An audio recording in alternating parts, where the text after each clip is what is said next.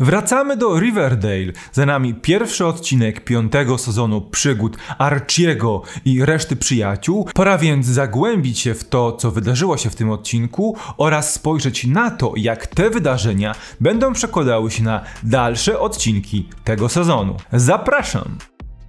Cześć, witam Was bardzo serdecznie. Wszyscy czekaliśmy na ten moment. 21 stycznia 2021 roku Riverdale wróciło na polskiego Netflixa. Czas zatem przeanalizować sobie wszystko to, co wydarzyło się w tym odcinku, a także spojrzeć na nowe doniesienia, teorie, informacje i plotki, które być może znajdą potwierdzenie w kolejnych epizodach oraz rzutować będą na to, co wydarzy się w całym piątym sezonie. Od razu Wam powiem, Riverdale to jest moje ulubione serialowe guilty pleasure. Serial, który wystartował z fantastycznym pierwszym sezonem, sezonem, serialem kryminalnym dla nastolatków, gdzie ten klimat był bardzo ciekawy, bardzo w stylu Twin Peaks, a w miarę upływu czasu zamienił się w niesamowity chaos, niesamowity rozgardiaż i pomieszanie z poplątaniem przeróżnych gatunków serialowych, ale nadal oglądam, nadal jestem na bieżąco i po prostu z zamiłowaniem co czwartek odpalam Netflixa, żeby zobaczyć, co się szalonego wydarzyło w tym miasteczku, gdzie dzieje się wszystko, ale co wydarzyło się w tym pierwszym odcinku otwierającym piąty sezon, który tak naprawdę z założenia miał być 20 odcinkiem sezonu czwartego, ale jednocześnie z powodu pandemii i przerwania prac na planie zdjęciowym został przesunięty na początek sezonu piątego. Wydarzyło się naprawdę sporo, sporo w kontekście też tego, jak świat wyglądać będzie po przeskoku czasowym, bo już rozpoczęliśmy przygotowania do tego, co będzie działo się w dorosłym życiu naszych bohaterów. Rozpocznijmy od Archiego i jego wątku w tym odcinku, który bardzo mocno rzutuje na to, co wydarzy się z Archiem w przyszłości. Archie Andrews w końcu postanowił, co zrobi ze swoją przyszłością. Zdecydował, że chce aplikować do Akademii Marynarki Wojennej, ale, ale, żeby się do niej dostać, musi pokonać jednego z kandydatów, którym okazuje się K.O. Kelly, czyli postać znana ze spin-offu Riverdale, krótko żyjącego, bo jedynie jednosezonowego spin-offu Katy Keane. No i dochodzi do pojedynku, który Archie przegrywa. Co ciekawe, prawdopodobnie Archie i tak ostatecznie wybierze i dostanie się do Akademii, bo to sugerowały przedsezonowe plotki mówiące o jego postaci. Jednak bardzo wiele rzeczy w tym odcinku dotyczyło relacji Archiego i Weroniki. Tutaj właśnie wyraźnie widać, że scenarzyści już przygotowują się do time jumpu. No bo Weronika odkrywa piosenkę, którą Archie napisał dla Betty. Archie zastanawia się, czy jest odpowiednią osobą dla Weroniki, czy przypadkiem nie wstrzymuje jej rozwoju i podejmuje decyzję o tym, aby powiedzieć, że doszło do pocałunku między nim a Betty, co skutkuje tym, że postanawiają rozejść się po zakończeniu szkoły średniej. Tylko cały czas zastanawiałem się, jak to jest, że nikt nie ma problemów z tym, że nastolatkowie regularnie uprawiają seks. Nikt nie ma problemu z tym, że w mieście grasuje kolejny seryjny morderca, który z jakiegoś powodu upatrzył sobie naszą czwórkę głównych bohaterów jako główne ofiary, ale wszyscy mają problemy z pocałunkiem i to jeden niewinny, prawdopodobnie, pocałunek rujnuje cały związek budowany przez cztery sezony, przez cztery lata szkoły średniej właściwie. Jak to się dzieje? Nie wiem. Jeśli chodzi natomiast o Betty i Jackheada, w tym odcinku nie wydarzyło się nic, co miałoby rzutować na ich relacje w przyszłości.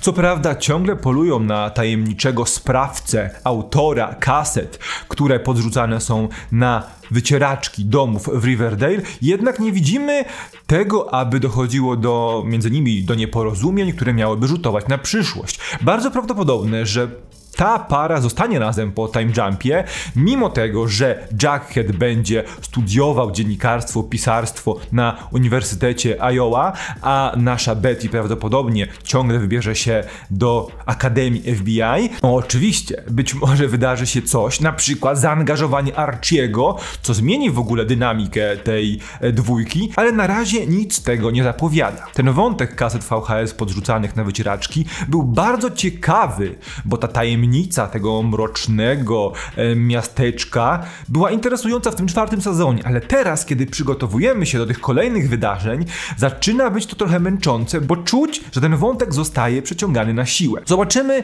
jak ostatecznie potoczy się ta historia i kto zostanie w ogóle zidentyfikowany jako ten autor. Zanim przejdziemy do balu maturalnego, który tak naprawdę spaja wszystkie postaci w tym odcinku, musimy jeszcze poruszyć wątek Cheryl i Tony, bo wydaje mi się, że on będzie odgrywał w najbliższych odcinkach bardzo dużą rolę. Dlaczego? Dlatego, że widzimy już tutaj, że rodzina Tony nie wie o Cheryl, nie wie, że są parą e, i Cheryl myśli, że chodzi o to, że Tony wstydzi się powiedzieć, że jest lesbijką.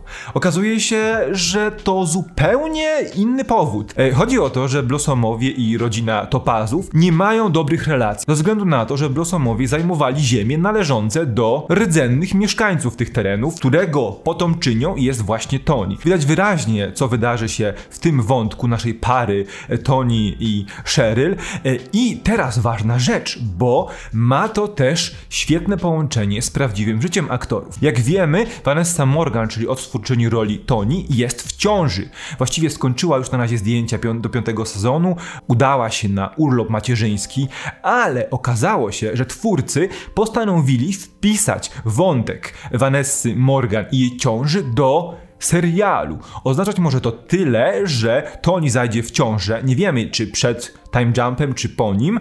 E, no i ich relacja Tony z Cheryl rozejdzie się, nie będzie tak zażyła przez ten time jump i przez to, co wydarzyło się w ich życiu. Muszę powiedzieć, że podobało mi się to, jak wyglądał bal maturalny, nasz prom. Cały ten serial ma klimat delikatnie retro. Wydaje się, że tak samo na klimaty retro postanowiono podczas balu. W tle słyszymy bardzo dużo utworów pochodzących z lat 90. Jednak przez całą sekwencję tych scen cały czas zastanawiałem się, dlaczego na balu maturalnym Riverdale High jest K.O. Kelly, bo on został i bawił się w najlepsze ze wszystkimi uczniami. To było dziwne, ale być może chciano jakoś zutylizować aktora podczas zdjęć do tego odcinka. Teraz nasuwa się wiele pytań związanych z potencjalnym time jumpem i tym, jak będzie wyglądać przyszłość bohaterów. No bo po balu maturalnym wyraźnie widzimy, że właściwie tylko Betty i Jackhead są razem, reszta na naszych podstawowych głównych bohaterów postanawia, że w jakiś taki lub inny sposób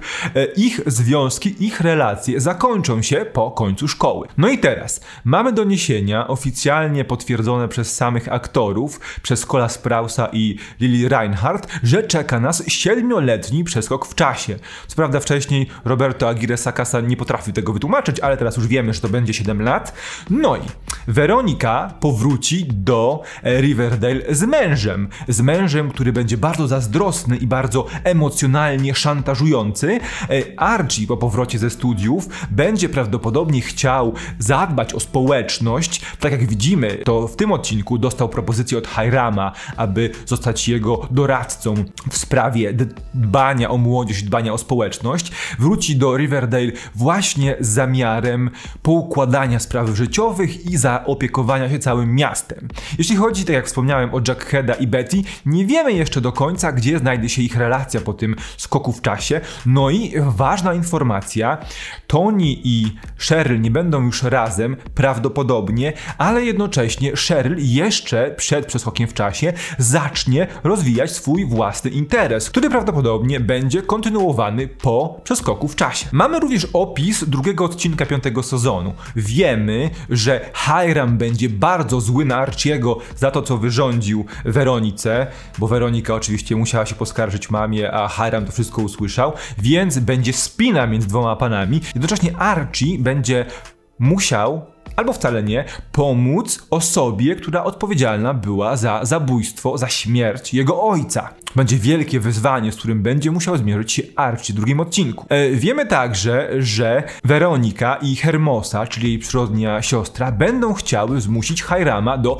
wcześniejszej emerytury ze względu na jego stan zdrowia, ale jak się okazało, z jakiegoś powodu jego choroba zaczyna się cofać. Retrospekcje pokazują nam jednoznacznie, że Hiram świetnie się bawi i czuje się o wiele zdrowszy, kiedy tłucze wszystkich gangsterów, wszystkich bandziorów naokoło. Zobaczymy, jak ten wątek zostanie pociągnięty dalej. No i na razie to wszystko. Drugi i trzeci odcinek Riverdale będą chciały kontynuować zamykanie wątków i przygotowywanie się do time jumpu. Jednocześnie będziemy otrzymywać ostatnie wskazówki przed rozwikłaniem zagadki autora tajemniczych kaset. Na tym skupimy się prawdopodobnie w kolejnych dwóch odcinkach. Co w ogóle myślicie o powrocie Riverdale? Czy podobał wam się ten odcinek? Czy podoba wam się to, do jakiego momentu zmierza ten serial i w jaki sposób to robi. Dajcie też znać, czy podoba się Wam ten pomysł na podsumowywanie odcinków. Ja planuję następny tego typu materiał zrobić po trzecim lub czwartym odcinku, czyli albo przed samym time jumpem, albo zaraz po nim, e, abyśmy mogli porozmawiać sobie na temat tego, jak wygląda właśnie życie naszych głównych bohaterów. Ja czekam na Was w komentarzach. Porozmawiajmy sobie na temat tego, co dzieje się w Riverdale. Porozmawiajmy sobie na temat tego, jakie mamy teorie dotyczące tego, co dziać będzie się później. No i to ode mnie wszystko. Czekam na Was w komentarzach, zaglądajcie do innych materiałów, na przykład o teoriach i ciekawostkach związanych z Riverdale, albo o finałowej części Sabriny, też mamy materiał na kanale. Widzimy się następnym razem. Trzymajcie się. Cześć.